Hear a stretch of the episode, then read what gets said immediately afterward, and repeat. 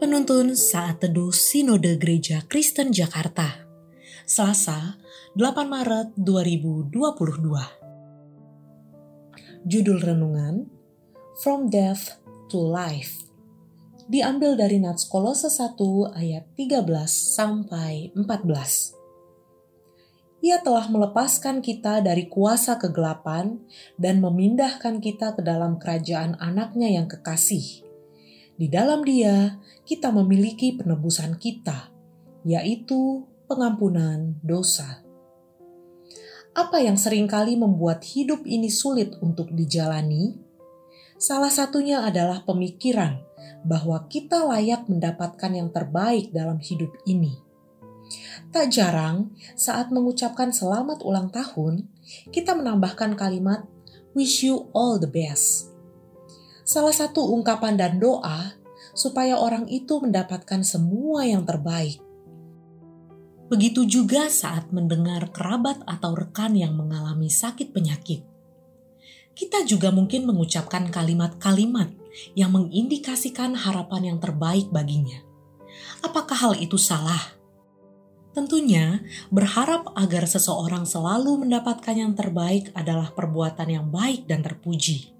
Meski sejatinya, bagian terbaik yang pantas didapatkan oleh manusia yang berdosa adalah hukuman yang sebanding dengan perbuatan dosanya.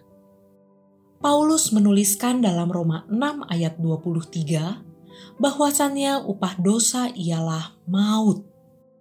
Sesungguhnya, sebagai orang-orang berdosa, kita tidak berhak untuk mendapatkan sesuatu yang baik lagi. Yang layak kita terima hanyalah hukuman dosa itu sendiri. Pemikiran bahwa kita masih layak mendapatkan yang terbaik dalam hidup sering kali membuat kita keliru mengenali Allah dan merasa kecewa. Saat kita menuai buah dari perbuatan dosa kita, lantas kita menganggap bahwa Allah itu jahat dan tidak memperhatikan kita. Padahal ia sedang berlaku adil dengan menegakkan hukum-hukumnya di dunia ciptaannya. Namun ada kabar baik bagi kita. Kita memang seharusnya menerima kebinasaan akibat dosa. Namun Allah justru menebus dan memulihkan kita dari kegelapan yang menaungi kehidupan ini ia memindahkan kita ke dalam kerajaan anaknya yang kekasih, sehingga dalam dia kita beroleh penebusan dan pengampunan dosa. Allah menumbuhkan dalam hati kita kemampuan untuk memiliki pengharapan di tengah dunia yang kelam dan pupus harapan akibat dosa. Jika bukan Allah sendiri yang turun tangan mengerjakannya, maka dapat dipastikan bahwa kita akan masuk ke dalam penghukuman yang kekal sebagai buah dari perbuatan dosa kita.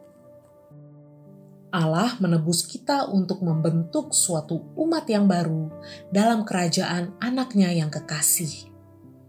Maukah Anda dan saya mempersembahkan hidup kita untuk dipakai sesuai rencananya? Dari kelamnya lumpur dosa, Allah mengangkat dan menyucikan kita menjadi milik kepunyaannya. Terpujilah nama Tuhan.